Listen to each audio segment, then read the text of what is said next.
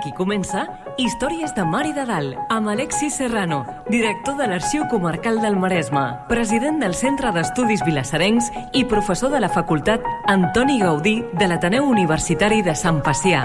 Un programa sobre el nostre passat, les històries, les tradicions, els personatges i el patrimoni de Vilassar de Mar. Una producció del Centre d'Estudis Vilassarencs en col·laboració amb Vilassar Ràdio i sota la coordinació de Núria Gómez. Les estacions de la Terra són fruit de la inclinació de l'eix gravitacional de la Terra i a l'òrbita elíptica de gir que el nostre planeta fa entorn del Sol. Així les coses, en les zones temperades, els canvis de fred a calor i de calor a fred tenen quatre punts d'inflexió, els dos solsticis i els dos equinocis. L'equinoci de primavera marca en la natura un cert reneixer tant en el cicle de l'aigua com en el reverdir i florir dels, dels vegetals, alhora que marca el despertar de les espècies animals que hivernen mentre que en d'altres marca un punt important en el cicle reproductiu. Avui, a Històries de Mar i de Dalt, trenarem història, natura i antropologia per parlar de l'equinoci de primavera. Avui, a Històries de Mar i de Dalt, parlarem de les diferents festes de la primavera i de la valença o simbologia que cada cultura hi ha abocat al llarg dels segles.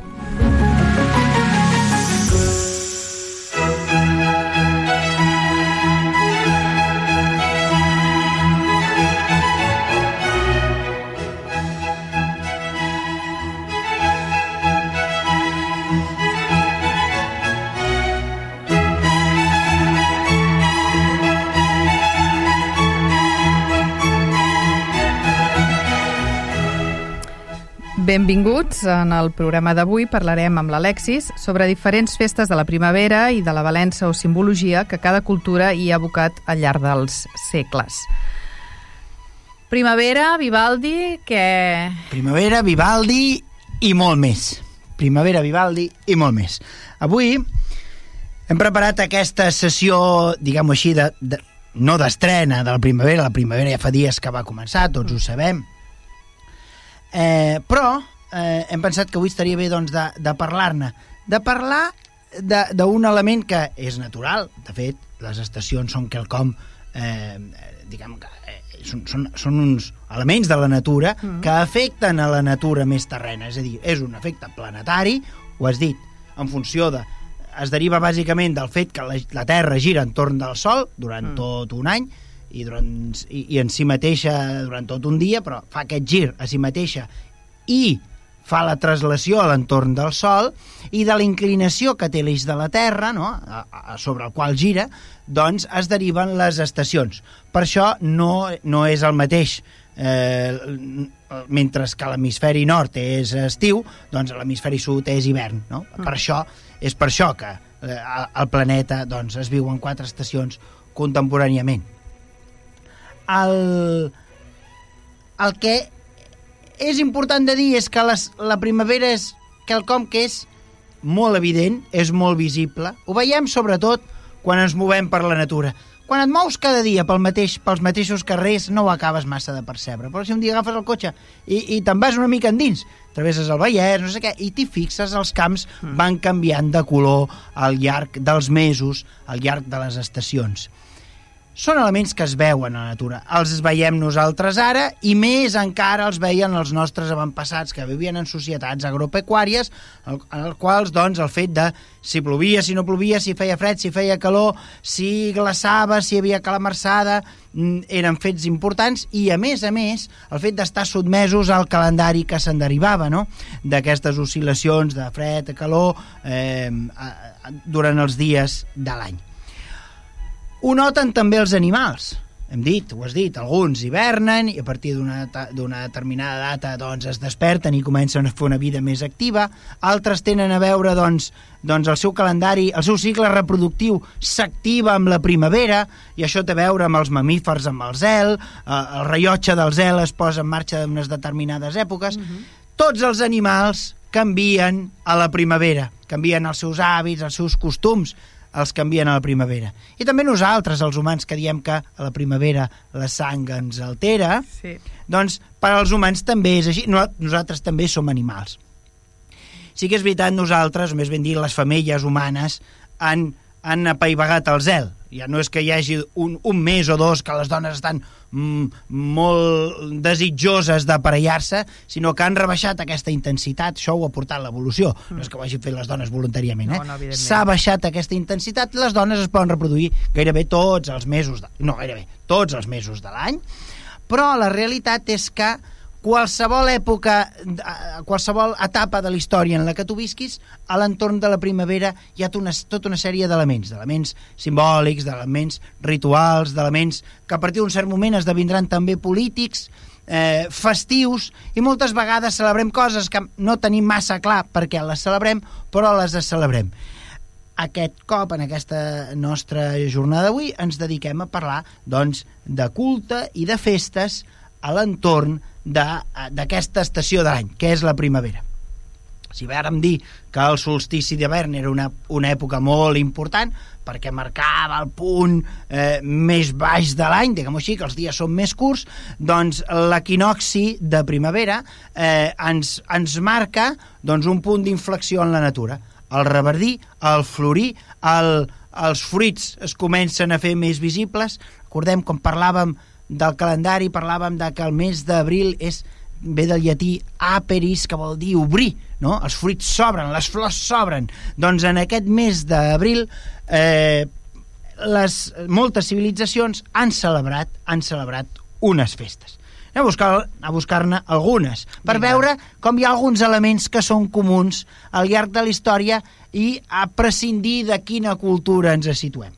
Per exemple, comencem parlant dels grecs els grecs celebraven les, te, les, tesmofo, les tesmofòries a, a la ciutat d'Eleusis, que eren la festivitat on Demeter, que era la deessa del gra i de la natura, es retrobava amb la seva filla Persèfone. La seva filla Persèfone havia estat segrestada per Hades, que és el déu de l'infern, l'havia segrestat, i quan torna la seva filla Persèfone, la primavera, eh, la, la, natura reneix, no? Demeter eh, reneix.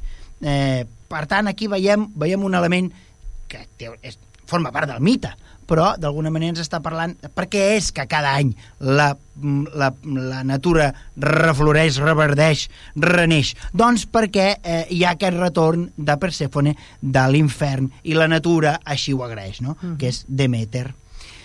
Els llatins, que són els avantpassats dels romans, ho celebraven amb unes festes que s'anomenaven el ver sacrum, no? la primavera sagrada, ver, de, de ver ve primavera, ver, també baixa, del, el ver sacrum eren unes festes que tenien lloc on la gent que vivia a les ciutats i a les poblacions, a les ciutats, als poblats, eh, anaven als boscos i els boscos feien una cerimònia que seria una mica com un bateig, no?, a l'entorn dels rius i els homes es, es, es, es consagraven, els homes i les dones es consagraven, i els animals també. Era un eh, l'associació entre l'aigua i aquest reneixer, no? D'alguna mm. manera és aquella idea del bateig, del bateig que hem heredat en el, en el món, a l'esfera cristiana. Amb el temps, els romans heredaran tota una sèrie de cultes que venen d'Orient, com per exemple, són el que els romans anomenaran el sacra peregrina, que són són uns cultes que venen d'Orient, no? I els identifiquen així, peregrina vol dir que han vingut, no? que són mm. peregrins, que venen, que s'han mogut, perquè ens entenguem. Però els romans els, els incorporaran. Entre els que incorporaran, per exemple, hi ha el culte a Isis i a Osiris, que són divinitats egípcies, sí. del, són les més importants del panteó egip, egipci, i on, eh, d'alguna manera, s'explica com la natura, que és, que és Isis, es reprodueix gràcies al fet que el seu amant Osiris ha estat esquarterat i els seus membres repartits per tota la Terra, entre els quals, entre els seus membres, també els seus genitals, que d'alguna manera fecunden la Terra. Isis és la deessa de la lluna. La lluna fa un cicle fa un cicle també en si mateixa. Sí. És un cicle mensual de 28 dies. Mm -hmm. eh, que la, la lluna va creixent, no? després és, és un, fa una forma d'una fals, després de mitja taronja, després d'una lluna plena. Doncs aquí veiem aquesta concepció circular del temps.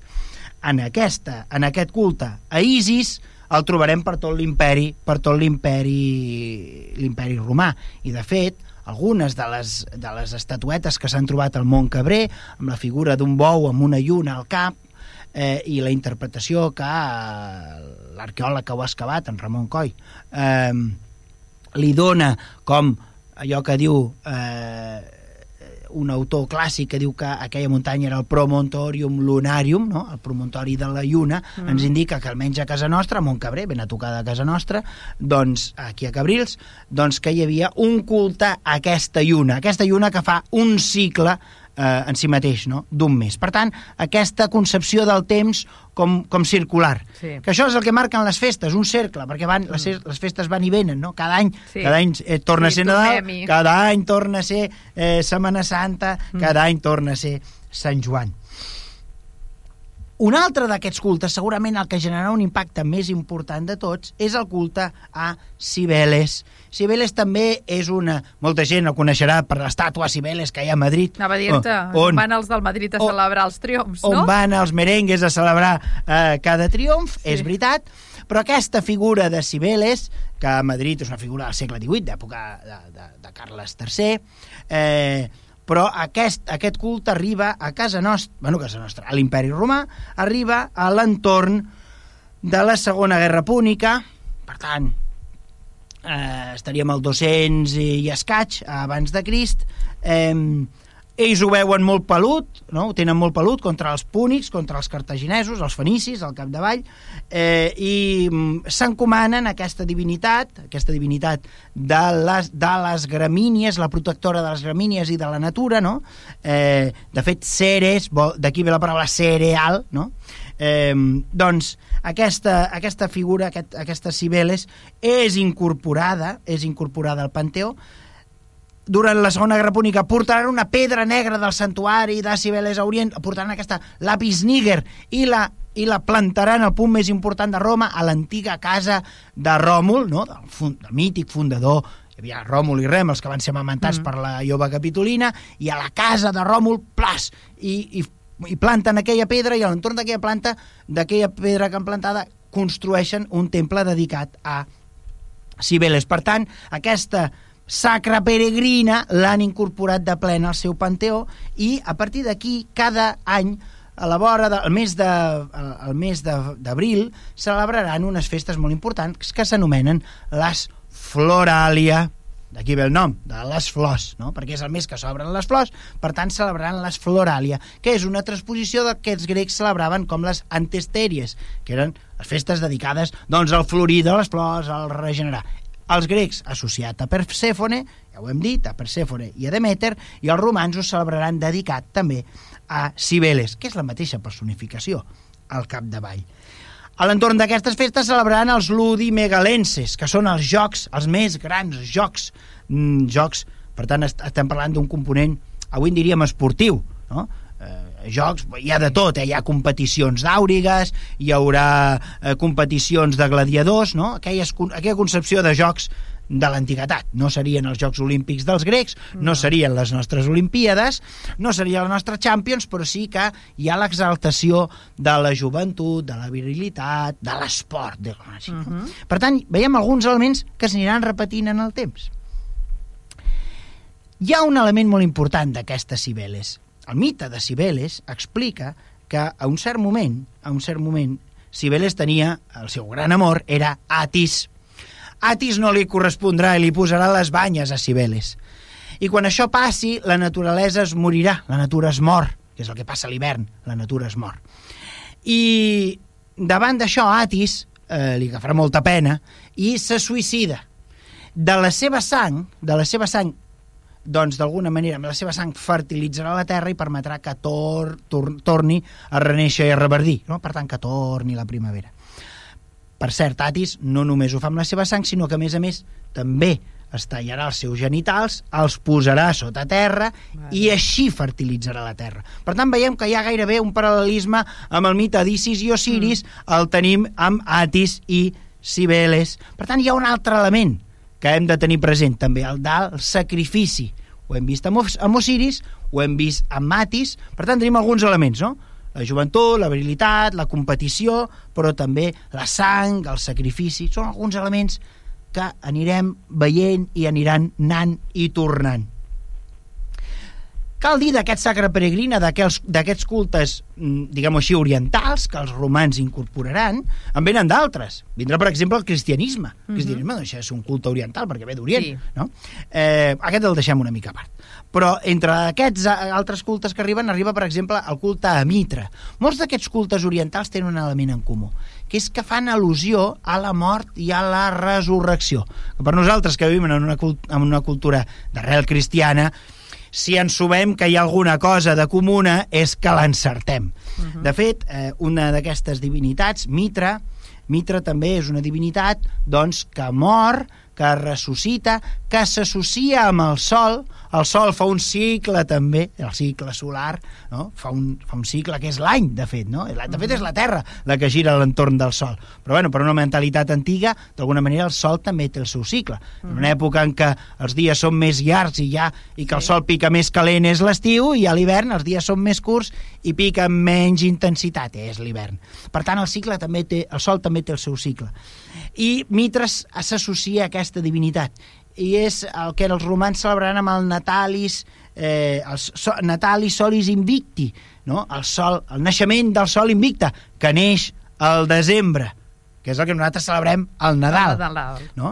El Eh, que naixement de Crist. que s'associen a aquestes dues Sí. divinitats però és una divinitat a la que s'han de fer sacrificis s'ha de fer brollar sang no? eh, els mitreus no? que s'anomenen els mitreus no? aquests temples dedicats a Mitra i, i, i un altre cop aquesta per, per garantir la resurrecció si fem un salt no? I anant encara a buscar aquesta idea del sacrifici, veiem els azteques, per exemple, els azteques requerien, eh, en el culte als azteques, es requeria eh, el sacrifici, de, en aquest cas dels vençuts, no? dels soldats vençuts, dels enemics, eh, se'ls havia de sacrificar a dalt de tots aquells temples, en aquella, mm. aquella forma, aquelles piràmides, eh, per garantir què? Garantir que el sol seguís sortint. No? D'alguna manera estem allà mateix, no? per garantir que... El, perquè el sol és el que mm, permet que l- les herbes floreixin i, i els animals mengin herba i tu et puguis menjar els animals. No? I per tant, aquí hi ha tota una sèrie d'elements que van vinculats a aquesta sang, al sacrifici, tots aquests elements eh, que, que, els, que els tenim que els tenim més o menys, que es van trobant. I aquesta és la gràcia. Això és l'art de l'antropòleg. L'antropòleg busca aquests elements en comú mm. i els posa més o menys sobre. I és feina de l'historiador veure què és el que cada cultura hi ha abocat de, de, de la seva part, no?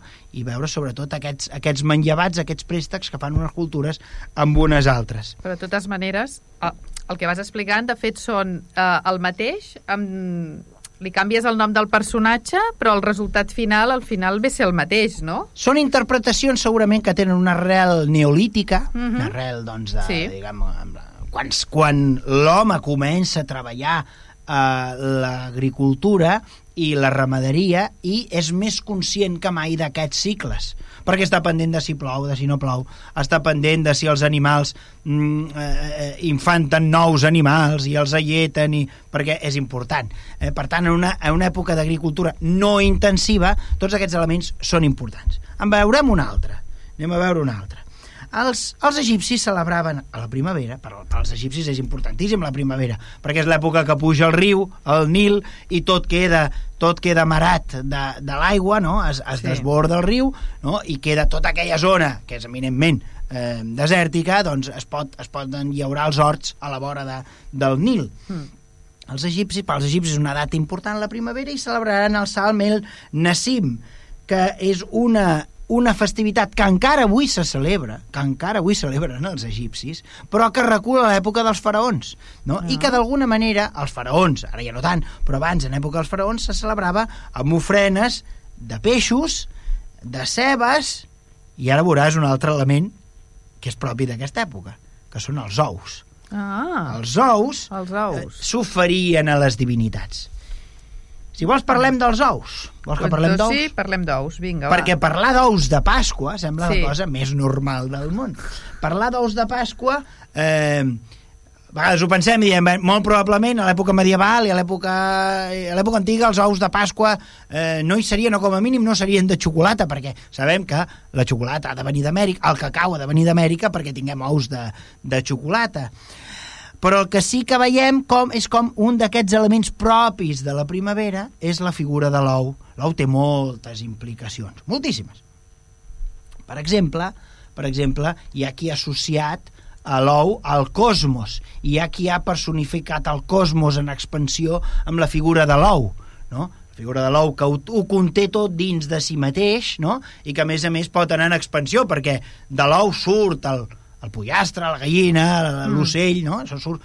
Per tant, eh, surt el moviment. Eh, S'han fet moltíssimes, moltíssimes, eh, moltíssims estudis a l'entorn de l'ou i d'aquesta idea que té l'ou en relació al renéixer, a la resurrecció. De fet, els teòlegs cristians, de totes les confessions cristianes, han treballat sobre la idea de l'ou. Per què? Perquè l'ou és un element associat també a la Pasqua, a la resurrecció. Després en parlarem d'això. Però anem a veure què passa amb els ous. Quantes, quantes civilitzacions tenen l'ou com a element important per Pasqua? Ho hem dit. Els egipcis, amb aquestes ofrenes d'ous. N'hi ha d'altres. Els persians, contemporanis dels, dels egipcis, per la primavera s'intercanviaven ous. Ah. Els romans, per la primavera, enterraven ous sota les cases, als jardins, a llocs... perquè es volien garantir, què? El renéixer, la prosperitat, l'abundància... Per tant, enterraven ous, els romans. Els russos, i encara ho fan avui, ho van fer durant tota la Unió Soviètica, malgrat els impediments, els russos no, és massa, no massa conscients de per què, però els russos, per primavera, s'intercanvien i es regalen ous pintats. Això portaran alguns arts a, a, a, a l'extrem amb la creació d'ous que portaran dins mecanismes de rellotgeria, que s'obren i es tanquen, ous amb, amb incrustacions de maraperla, de brillants, no? hi ha unes grans a, a, a, col·leccions sí. d'ous a l'Hermitage, per mm. exemple, de la família imperial, de la família imperial eh, russa, no? per tant, l'ou associat a això. El, els medievals, en època medieval, es regalaven ous per Pasqua. El regal que es feien eren ous. No? Eh, i per què ho feien per Pasqua? Ho podien fer tot Sí. l'any? Mm, Potser no. Potser no. La realitat és que no. Abans de, ho hem dit abans, abans de la incorporació de l'agricultura intensiva, això està bé recordar-ho per la gent que és de ciutat, eh, abans de l'aparició la, de l'agricultura intensiva, només hi havia ous a partir de la primavera perquè hem dit va amb el cicle reproductor un ou al final és un element per a la reproducció de l'aviram, dels, dels ocells per tant només hi ha ous de fet la major part dels ocells que veiem nosaltres els ous surten a la primavera mm. i ara veiem per què arriben les orenetes no? les orenetes fan els nius, no sé què, posaran els ous, etc etc. no? I en una determinada època dels ous sortiran els nou, les noves orenetes. Vale. Mm. En època d'agricultura no intensiva, com hem dit, no hi ha ous fins a la primavera. Per tant, si tu vols tenir ous per Nadal, per fer la pilota, eh, si tu t'has de guardar els ous, te'ls has de guardar al fresc, te'ls has de guardar coberts amb calç, no? o pintats Sí. amb aigua i calç, no? aquí n'hem parlat, per, per allargar-los durant l'any, però n'hi ha molt poquets durant l'any, només els que has pogut guardar. Mm. Però a partir de la primera en torna a haver amb abundància. Per tant, és un element molt propi de la, de la primavera, l'ou, la figura de l'ou. I llavors i té totes aquestes implicacions que si veiem que, les, que la cultura cristiana, la cultura cristiana ortodoxa, que si veiem que els romans, que si els perses tenien aquesta idea, que de cristians no tenien res, però mm. hi havia l'ou per la primavera, el que veiem, i queda clar, és que hi ha alguna cosa sota, més, més amagada, més profunda i que se'ns escapa una mica, però aquests són aquells elements que diem l'antrop- l'antropòleg en té prou amb què hi siguin per poder dir aquí un element un element d'aquest culte a la primavera, més o menys amagat. Al nord d'Itàlia hi ha una festa que encara la celebren avui que es diu eh, Cantare Iu, que són, eh, que literalment la, tra la traducció seria cantar els ous. No? Es canta, per, la, per, la, per Pasqua es canta, es va pels carrers i es canta amb l'esperança que et donguin ous. Això a casa nostra també es feia. A casa nostra, fins al segle, fins pri, molt principis del segle XX, encara es anava a cantar i es demanava, a canvi, com a premi, com a recompensa, ous. Era una mica com allò, allò de, del Halloween, no? que van Sí, els nens per a les cases carmels i i, demanen carmels. Mhm. Doncs els nens anaven a cantar caramelles per Pasqua, Sí. el dissabte de Pasqua, el diumenge de Pasqua, el dilluns de Pasqua, i amb aquests ous, què feien? Les mones de Pasqua. Els mones de Pasqua, abans de que fossin de xocolata, eren Sí. uns pastissos que es feien amb ous Amb- i on s'hi posaven ous. Sí. I aquests ous d'on es treien? Doncs d'anar a cantar. Anaves a cantar caramelles. De fet, la paraula caramella eh, no va amb l'ou, va amb el caramel, de fet. De fet, una, una caramella és una flauta llarga. Te recordes com eren els Sí. caramels antics? Eren, Mm, de sí, fet, eren sí. allargats, no? Sí. Doncs, eh, de fet, la, la cosa va una mica per aquí, perquè es donaven caramels i es donaven ous. Eh, els italians en diuen cantar els ous i nosaltres diem cantar caramelles, però d'alguna manera quan cantem caramelles per Pasqua estem fent exactament això, estem estem recordant d'alguna manera eh, eh, allò que es feia eh, aleshores. Per, per Pasqua anàvem a buscar ous i per aconseguir-los cantàvem. Quan cantàvem? Doncs a partir de la Pasqua, que a partir de la festa de la Pasqua, que, que curiosament la nostra Pasqua coincideix amb la primavera. Sí que sí que és curiós tot plegat perquè és el que et deia, eh, que vas veient la, la repetició i després lo del tema dels, dels ous, que ara quan anaves parlant, clar, ara estem molt acostumats a trobar-nos de tot, tot l'any. Però clar, evidentment això eh, fa un temps mm, no, no era així. Exacte. Vull dir, no hi havia mm, ous tot l'any, no hi havia fruita tot l'any, no Però hi això havia... tenia més sentit. Sí, clar, clar. Esperar l'arribada de la primavera perquè Mm. tindries uns fruits que abans no tenies, uns fruits, uns Clar. aliments que abans no tenies, eh, podies fer unes coses que abans no podies que a l'hivern no, es no es podien fer. Mm. Ara ens costa una mica ens costa una mica d'entendre. Hi ha un element Sí. que voldria comentar en relació a això, Sí. que és que a nosaltres ens queda una mica, eh, ens passa una mica com desapercebut en relació a allò que no fem a l'hivern o allò que no fèiem a l'hivern. Abans a l'hivern no es feia... no es viatjava. A l'hivern no es viatjava. Eh, per què? Perquè els camins estaven colgats de neu i ningú treia la neu. Eh, perquè ara és fàcil. Mm. Ara neva avui i al cap de mitja hora ja passa la màquina i llevareus i els camins més o menys estan, no diré intactes, però sí transitables Sí, però abans quedaven els pobles aïllats o com a mínim les regions aïllades mm. i per tant no es viatjava massa a l'hivern per tant les rutes comercials quedaven interrompudes això per terra però per mar encara pitjor quan la navegació Sí. era vela a partir de finals de setembre, primers d'octubre eh, ja no es, es, es tancava el mar de fet es deia mare clausum vol dir, es quedava tancat i fins no es, pod, no reobrien les, les vies eh, navals fins una determinada data concreta. Eh, I això val per les embarcacions de guerra, això val per les embarcacions de comerç, Mm. i això vol dir que les guerres s'interrompien a l'hivern. Però això havia passat durant tota l'antiguitat, això passarà a l'edat mitjana, s'interromp, es posa en suspensió la guerra, no? perquè si no poden arribar les naus, es posa en suspensió i ja la reprendrem Quan a la puguem, primavera. Quan puguem? Quan podrem? Aviam si, aviam si saps quin dia, quin dia uh, per als, per als otomans s'obria el mar. Ostres, Una data molt simbòlica. Ostres, no t'ho sabré dir, eh? Doncs no ho diries mai. El 23 d'abril.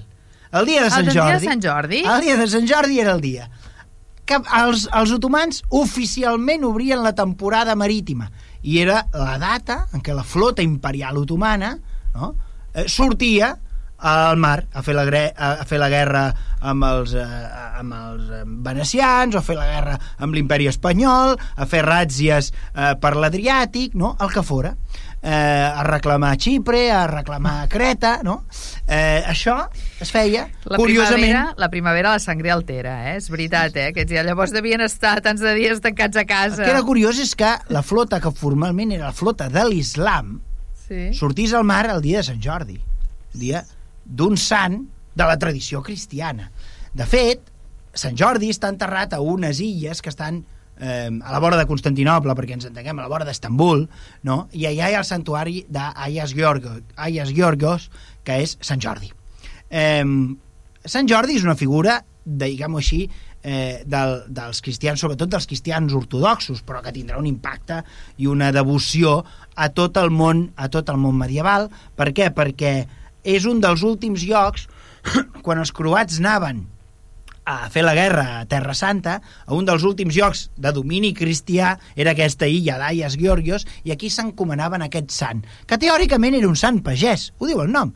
Ningú se'n recordava com se deia. Li van posar pagès. Pagès, en grec, és Georgios, que vol dir això, pagès, un senyor que treballa a la terra, i per tant, eh, els croats, aquests cavallers que anaven a defensar els llocs sants, doncs s'encomanaven a aquest sant. Aquests cavallers de seguida el van convertir en què? Aquest pagès, en un sant cavaller que, òbviament, havia fet què? Lo propi de la mentalitat dels cavallers, que era què? Matar dracs, matar... El drac és la personificació de, del, del dimoni, dels Del pecats mal, del, no? del, del mal, dels pecats de la terra, avui diríem de la corrupció, de tot allò que, eh? de tot allò que hi ha de, que, Sí. que hi ha de dolent. Per tant, els, els cristians, eh, la cultura popular cristiana medieval va convertir aquest Sant Jordi, que era un pagès pobre, en, en un gran soldat que havia matat a un drac. Això és una llegenda.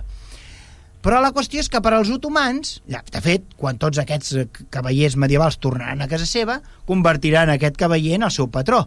I la Generalitat el tindrà per patró, que és Sant Jordi, per això el Palau de la Generalitat està ple de figures de Sant Jordi al segle d'època gòtica, però els britànics convertiran Sant Jordi en el seu patró, eh, en fi, trobarem Sant Jordi a tot arreu, a tot arreu.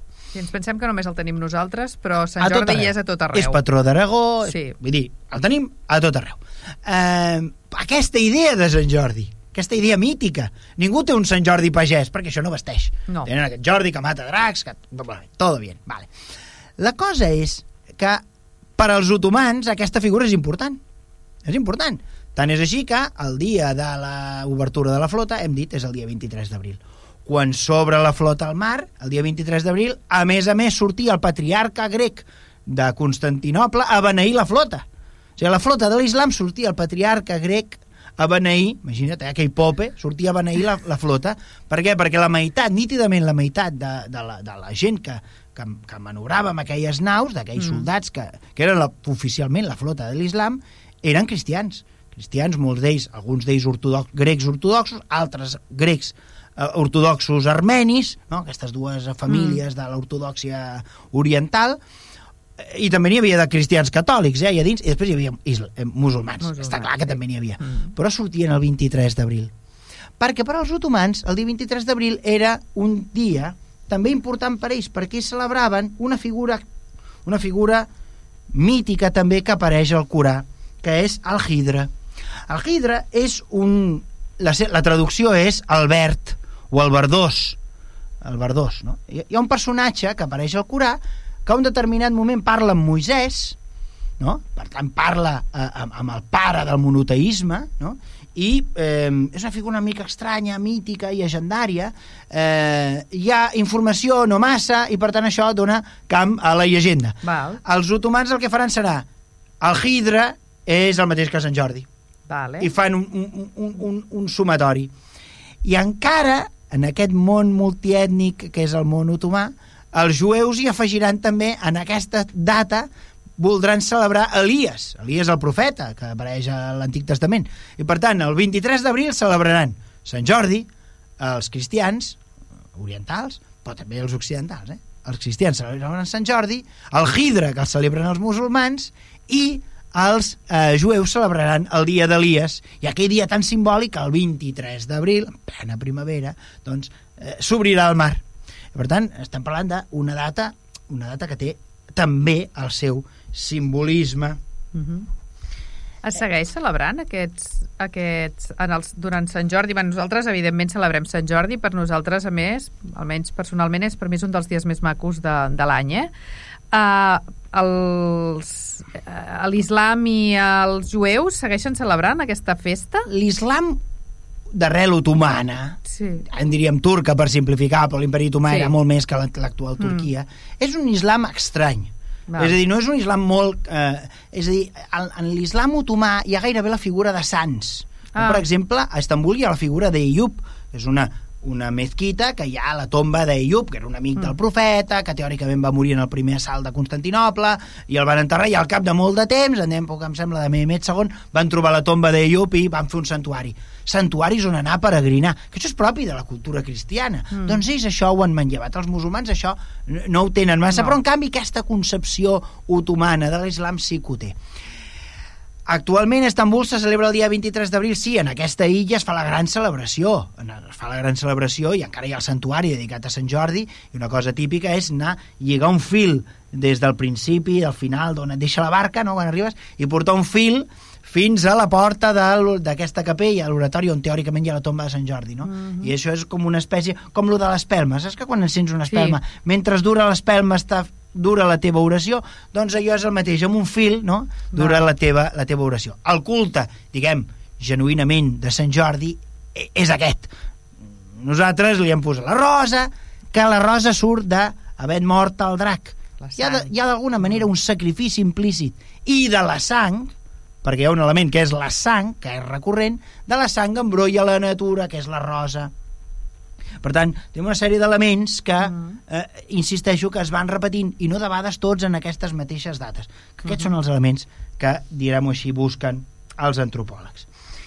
Eh, hem parlat d'aquestes festes vinculades al paganisme, d'arrel pagana, no? prèvies, amb la figura dels ous, etc etc. A veure què passa quan arriba el cristianisme. El cristianisme aquí eh, mm, ha, de, ha de suplantar això amb, amb una altra festa i ho intenta fer, i posen la Pasqua, que és la, la festa més important. És, se celebra amb la Pasqua, se celebra la mort i la resurrecció de Jesús. És un, és un element, és l'element més important del calendari festiu.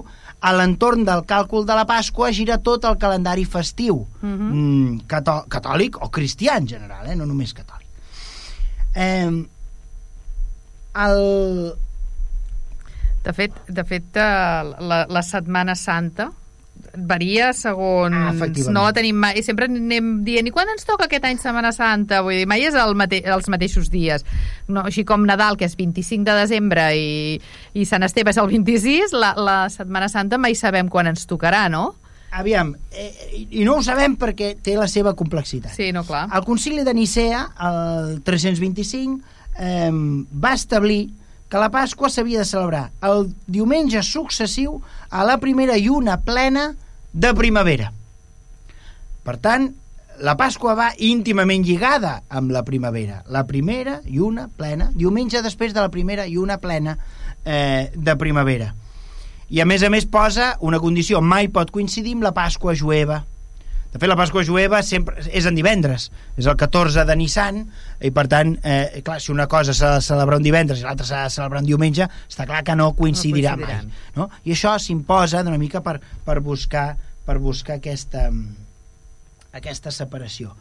Eh, la, hem dit que la Pasqua eh, glorifica la resurrecció de Crist Mm. i, i que, doncs, que ha sigut sacrificat amb un, amb un camí del Calvari, no? que és el que celebrem amb el Via Crucis, que és l'origen de les processons, no? eh, la mort, la crucifixió doncs, i la resurrecció al cap de tres dies. en tots aquests elements hi ha la figura, la presència de la sang, Sí. la pre- eh, la sang doncs que la Verònica aixuga a, a la fas, la santa fas no? eh, i la cara doncs eh, queda marcada, queda impregnada eh, la sang eh, de, de, de les caigudes de Jesús de quan han flagelat Jesús quan l'han condemnat a mort la sang que brolla de la corona d'espines un cop li claven la corona d'espines li diu no? Eh, aquí, el rei dels jueus eh, la sang de, que brolla i l'aigua que brolla del costat quan amb la llança eh, l'acaben de rematar quan està a la creu i del costat i brolla la sang. D'aquesta figura de la sang, els primers cristians tindran una mica de titubeig, com els primers cristians també tindran una mica de, de recança de fer servir la creu. Però amb el pas del temps, la figura de la creu i de la sang de Crist viurà una metamorfosi singular i farà que la figura de la sang de Crist la trobem a tota la simbologia de l'art cristià, sobretot a partir de l'edat mitjana, l'època del Renaixement, ja no diguem amb el barroc, però fins i tot al segle XX i al segle XXI, les pel·lícules com la del Mel Gibson, no? sang per tot arreu, sang per tot arreu, figura de sang. Però és que encara en, el, en, aquests, per, en aquestes mm, en aquestes processons hi trobem moltes vegades les figures dels flagelants no? Sí. aquesta gent que es va flagelant i que va sagnant i que va deixant anar la sang per tot el camí que d'alguna manera emula el, el camí, la via dolorosa el camí del Calvari Sí. altre cop la figura de la sang en el mite que hi ha la sang d'Atis que va fecundar la terra la sang d'Osiris que va fecundar la terra no, està clar que els cristians no es flagelen per fecundar la terra No. però hi ha un element que torna i que es repeteix i que encara es repetirà eh, com veiem, si em, em dona una mica de temps. Sí. És una paradoxa perquè Constantí, eh, quan va instituir que el cristianisme seria la religió oficial de l'Estat, no va tancar els temples romans. En va haver de tancar uns pocs perquè els cristians ho demanaven. I va tancar uns pocs. I quins temples va tancar? Aquells on es feien sacrificis d'animals, hi havia sang, eh, on hi havia sacerdots que s'amputaven els dits i els braços, no? va tancar aquests perquè per als primers cristians eren els més ofensius. I es dona la paradoxa que amb el pas del temps a les esglésies veurem com d'alguna manera va tornant això, la figura del sang, això. Quan arribi el, el concili de Trento, que a vegades pensem que el concili de Trento és el més obscurantista que hi ha, els jesuïtes, que són el braç executor del concili de Trento, intentaran aparcar tot aquest, aquest culte a la sang, aquestes, aquests flagelants, intentaran que això es deixi de fer, intentaran imposar altres coses, altres cultes una mica més diguem-ho així, me, més civils, no? com per exemple el Via Crucis amb la creu velada, no? la creu amb el vel negre. És a dir, que ni es veuen les ferides de Crist. No? I s'intenta buscar això. Això ho intentaran els jesuïtes, això ho intentarà Trento. No se'n sortirà, ho hem vist, les processons de Setmana Santa continuen havent flagelants, però ja d'alguna manera veiem com l'Església entén que aquesta figura de la sang, aquest culte, eh, no, aquests timbalers que es fan sang a les mans, no, aquesta, sí. aquesta devoció, home, que això és algo que és una mica contraproduent i, ha, i, i l'Església ho entén com algo una mica paganitzant al final, com que no es pot prohibir, eh, al final allò que diuen si no los puedes eh, combatir, sí. únete a ellos, doncs al final, mira, ho tenim, ho tenim tot una mica mm. a, a la olla, no? Dèiem que els cristians celebren, a la Pasqua, eh, celebren celebren la resurrecció de Crist. Sí. Els primers cristians, els cristians que anomenem d'origen gentil, els que eren els que abans venien de famílies gregues i romanes, no? o famílies paganes, perquè ens entenguem, celebraven la celebració de la Pasqua setmanalment, no? Cada, cada diumenge celebraven la Pasqua. I en canvi els cristians de tradició jueva, els que eren jueus, com el propi Jesús, que es van, que, que van seguir el cristianisme, no? aquell incipient secte dels nazarens, que se'n deia, no? els primers cristians, doncs celebraven la Pasqua anual, en record de la Pasqua semítica, de la Pasqua de Moisès, allò de caminar pel desert, 40 anys, no? que s'associa amb els 40 dies que Jesús caminarà per al desert, no? que és quan els, els jueus, els hebreus, travessaran a peu eixut eh, el Mar Negre, etc etc. Això els, els primers cristians d'origen jueu ho lliguen a la Pasqua hebrea i els primers cristians ho lliguen al, eh, a, la, a, la, a la mort i resurrecció de Crist. Serà el concili de Nicea, aquest que hem dit del 325, que el que farà serà posar-ho tot junt. I dirà, sí, sí, cada diumenge celebrem la mort i la resurrecció amb el sacrifici, que és l'Eucaristia, un altre cop, la figura del pa i del vi, mm. el cos i la sang de Crist. Ara ja és simbòlic, ja no és sang de debò. Gràcies a Déu ja és una cosa més simbòlica. Però ho celebrarem cada diumenge i el Concili de Nicea és qui establirà quan se celebrarà la Pasqua. Hem dit, la primera lluna plena de primavera, el diumenge després de la primera lluna de primavera. Per tant, tenim eh, tot això que, va, que són les nostres festes de primavera, les nostres festes de primavera. Alerta que hi ha un tema interessant. Nosaltres, nosaltres celebrem eh, la primavera, aquesta, aquesta Pasqua, precedida d'un element pagà, que és el de, la, la, les, de serrar la vella, no? Ah, de serrar sí? les, potes les potes de la vella de la quaresma. quaresma. Això ho fan moltes cultures, sobretot al Mediterrani, no? Eh, el fet de desmembrar un element que significa la personificació de l'hivern no? La, la, la, la, la, la, la vella quaresma no som massa conscients, però d'alguna manera ens compta els divendres d'abstinència, de dejú d'abstinència, però són els divendres últims d'hivern, i per tant li anem tallant una pota. Això ho fan altres, altres països, a la zona dels Balcans, a la zona d'Itàlia, eh, per exemple, es desmembren alguns elements i d'aquests mm, fantotxes que es desmembren, de dins surten aliments, no surten alguna, una mena de cucanyes, no surten, surten eh, carmels, etc etc. També són velles? En el... A vegades, normalment són dones que representen l'hivern, o a vegades són homes, són personificacions d'homes. Per exemple, ho hem vist, per Setmana Santa no sé quin poble hi ha que, que mm, afusellen un, un, un element, un, un fantoix, i després el cremen. Val. Perquè cremar aquests elements de l'hivern també és una cosa que va molt lligada. L'Església ho situarà el 19 de març, que és la vigília de l'equinoxi. L'equinoxi és el 20. Sí. el 19 de març hi posa la festivitat de Sant Josep, el pare de Jesús. Mm. I el 19 de març, els valencians, per exemple, cremen les falles. Vale. Que no ho sabem, però en veritat el que estem fent és estem cremant elements que són de l'hivern. I estem obrint pas, estem fent espai a què? A l'escalfor, a la llum, per això el foc, i per això estem obrint pas a la primavera Val. hi ha alguns elements que no poden faltar a les festes de la primavera, com ens podem imaginar. Quins són? Doncs està clar, les flors, les flors que ja els grecs i els romans tenien a les floral i a les antestèries, nosaltres les tenim a les festes de la primavera. I celebrarem en ramades, com fèiem aquí a Vilassar, Sí. entre Corpus i Sant Joan, i la gran festa florida de totes serà el Corpus Christi. Val. Corpus Christi és una altra d'aquestes festes de primavera, ja és la darrera, de fet, però és l'eclusió. És quan es fan servir totes les flors per fer aquestes catifes de flors que precedeixen el pas de un altre cop el sacrifici, el Corpus Christi, no? el pa i la sang de Crist. I per tant es fan aquestes catifes que recorden allò del diumenge de Rams, quan els, els, els habitants de Jerusalem van sortir a rebre Jesús i van estendre el pas de Jesús, els mantells, els rams, les palmes, i feien un terra perquè Jesús, que anava muntat en un pollí, el, eh, eh, eh, i anés caminant. D'alguna manera, el sacerdot que porta la custòdia és el pollí i l'Eucaristia, no? la, la, la, la, Uh -huh. l'hòstia, diguem així, l'hòstia consagrada, eh, és el cos de Crist. No?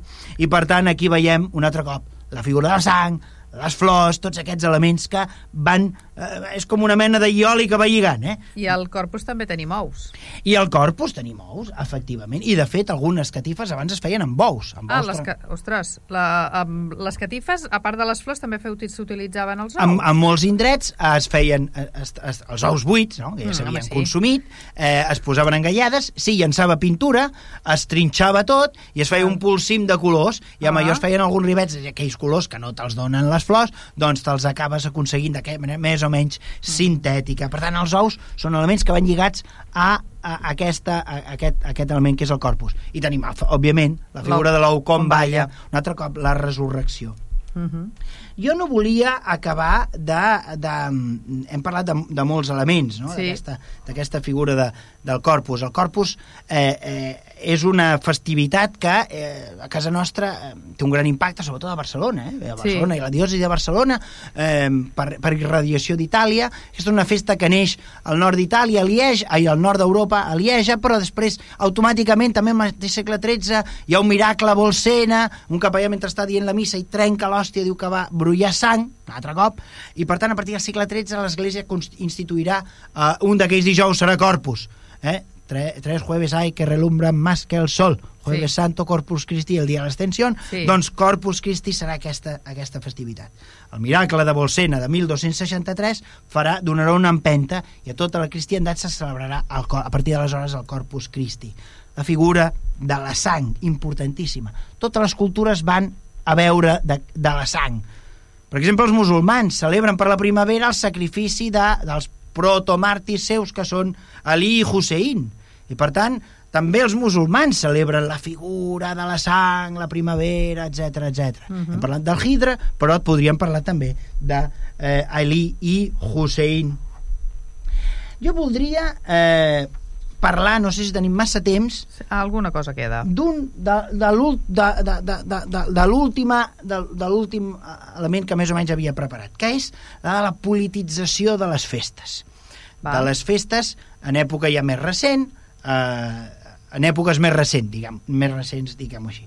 Sempre seguint un discurs lineal, anem al Renaixement. A l'època del Renaixement, Sí. de la Florència i Llorenç el Magnífic, veiem com a, a tota una sèrie de a tota una sèrie de localitats, no només a Florència, però Florència segurament és el lloc eh, que ho tenim més ben documentat, es comencen a celebrar però vinculats al poder polític, perquè el poder polític ho apreta molt, doncs perquè se celebrin unes festivitats eh, vinculades a la, eh, al, al reneixer de la primavera, etc etc el que es feia a l'època ja ho sabem, eren les justes, aquelles justes medievals, no? els cavalans coixer, no? els cavalls que van i que eh, eh, la, les competicions, però un altre cop la figura de diguem-ho així, el- l'esport, la competició, l'exaltació de la virilitat, l'exaltació de la joventut són aquests elements vinculats a la primavera. Això ho veiem a l'època al Renaixement, a la, al final de l'edat mitjana, el primer Renaixement, i durant tot el Renaixement ho anirem veient una mica a tot arreu. Veiem com es, es fan guarniments amb flors, mm, i, i aquestes festes anaven associades, quan hi havia, quan hi havia justes en els borns, bàsicament es feien, no te sorprendrà, o per Pasqua Florida o per Pasqua Granada, o per Pasqua o per Pentecosta. És a dir, eren les festes quan se celebraven les justes. Aquestes festes de, de l'amor cortès, de, dels trobadors, d'aquesta aquesta idea, no? l'Ausiàs Marc, tot aquesta, eh, aquest context, això es feia al segle XV i al segle XVI, es feia per aquestes dates. Hi ha una politització, és a dir, el poder civil agafa aquestes festes i les converteix en, en, en una magnificació d'aquest, de qui mana, qui mana ara? Els cavallers. Doncs els cavallers quina festa fan servir? Doncs aquella. Per tant, la festa de la primavera té un element molt vinculat doncs, amb el poder est establert en cada moment. En aquestes èpoques veurem com, sobretot a Itàlia, naixerà el que s'anomena el piantar maggio, la plantada del maig, que se celebra en molts llocs, per exemple, a la nostra comarca dos Rius. A dos Rius, a Canyamars, al Far, se celebra la plantada del maig. Això té un origen.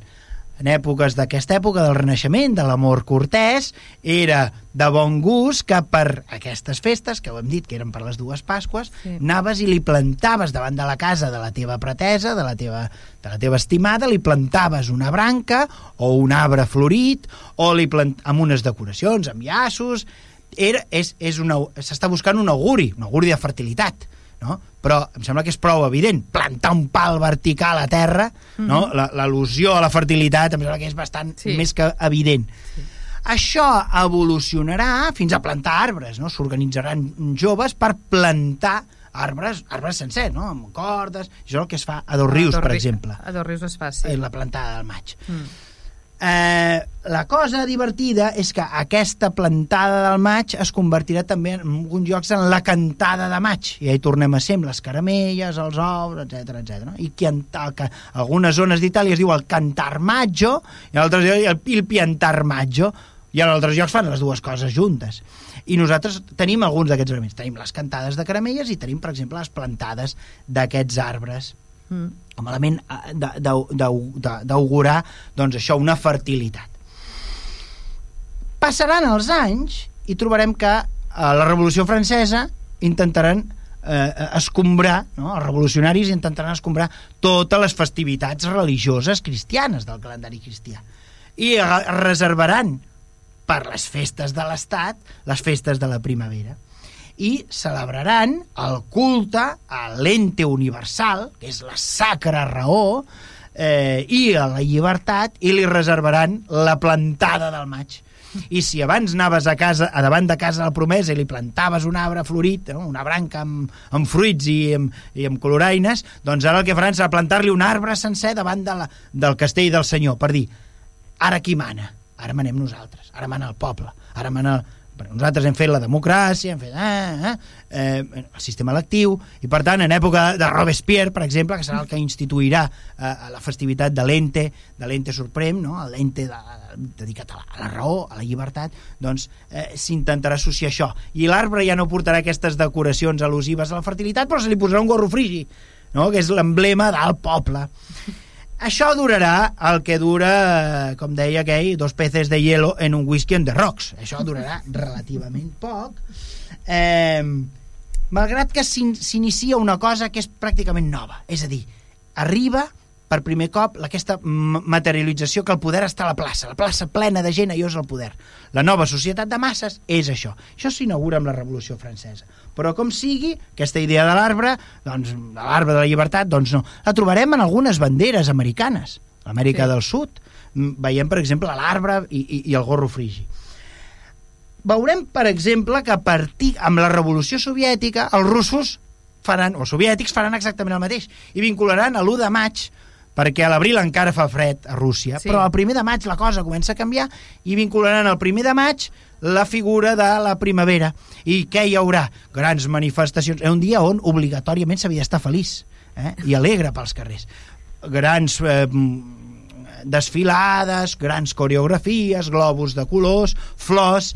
Apareix el signe del, del treballador, que és el clavell vermell, alguns altres faran servir la rosa vermella, però bàsicament el clavell vermell, i veurem, per exemple, aquestes grans desfilades vinculades al primer de maig. Alguns, perquè sempre surt algun historiador diu no, això té el seu origen, una revolta que va haver a, Bo a Chicago, que van morir uns treballadors. Aquest és un pretext. La realitat és que la Unió Soviètica va fer el mateix que havien fet els cristians. Els cristians, per amagar les floràlia, les antestèria, les festes antigues, paganes, van posar la Pasqua, doncs ells, per treure el cristianisme, han tret la Pasqua i, clac, han posat... La gent al carrer a fer han, manifestacions, han posat no? la festa del primer de maig Sí. per celebrar-ho. El feixisme farà exactament el mateix. Jo no sé si encara tinc mm, algun minut. Tres minuts. Bé, els feixistes italians faran el mateix i exaltaran els valors de la pàtria, que són, un altre cop, la joventut, fent què? curses, competicions, desfilades, amb la figura Sí. de les torxes de foc, això també ho faran molt els nazis, eh, i sobretot vindran, voldran vindicar els elements propis de la naturalesa, de l'agricultura, perquè l'ideal de l'economia autàrquica, eh, no necessitem res, no hem de comprar res de fora, tot ho produïm nosaltres, Mm. els nostres pagesos són els millors, doncs aquí el que fem és, òbviament, pujar a dalt els, els, aquests elements festius vinculats al cicle de la natura. I alerta, la festa es portarà quin dia? El 21 d'abril, que és el dia de la fundació de Roma, mítica fundació de Roma, eh, de, que llavors doncs, el, el, la, la portaran el 21 d'abril. El nazisme farà el mateix i celebrarà per la primavera la festa dels màrtirs, aquells màrtirs que, que, que, que es van intentar aixecar primer amb Hitler, mm. però els van matar, i per tant faran aquelles coreografies, eh, aquelles desfilades, aquelles competicions esportives, no? aquests ideals, la joventut, la, la, la virilitat, marxes de torxes, eh, la figura del foc, un altre cop, ho hem dit, a Sant Josep, Sí. València, eh? i sobretot la sang, la sang dels caiguts, la sang d'aquests màrtirs. Que ho tenim nosaltres també, el feixisme espanyol farà exactament el mateix.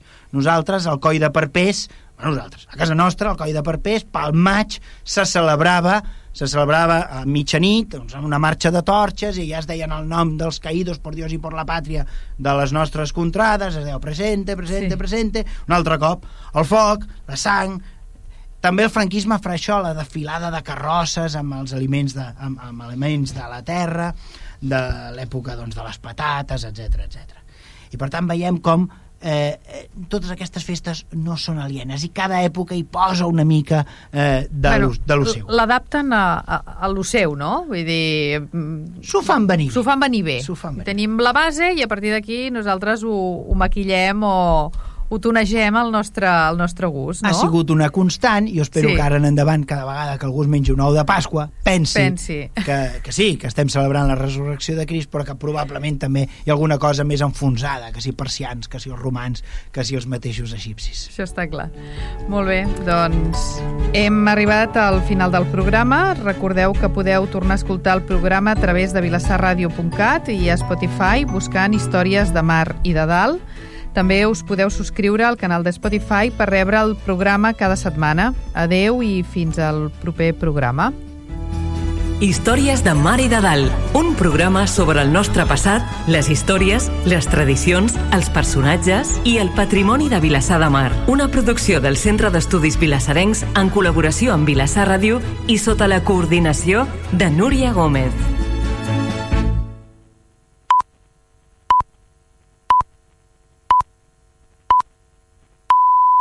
Vilassar Ràdio són les 10 de la nit. No t'havies acabat el llibre? Sí, però ja n'he començat un altre. Bibliodigital és un servei de préstec de continguts digitals disponible per tots els usuaris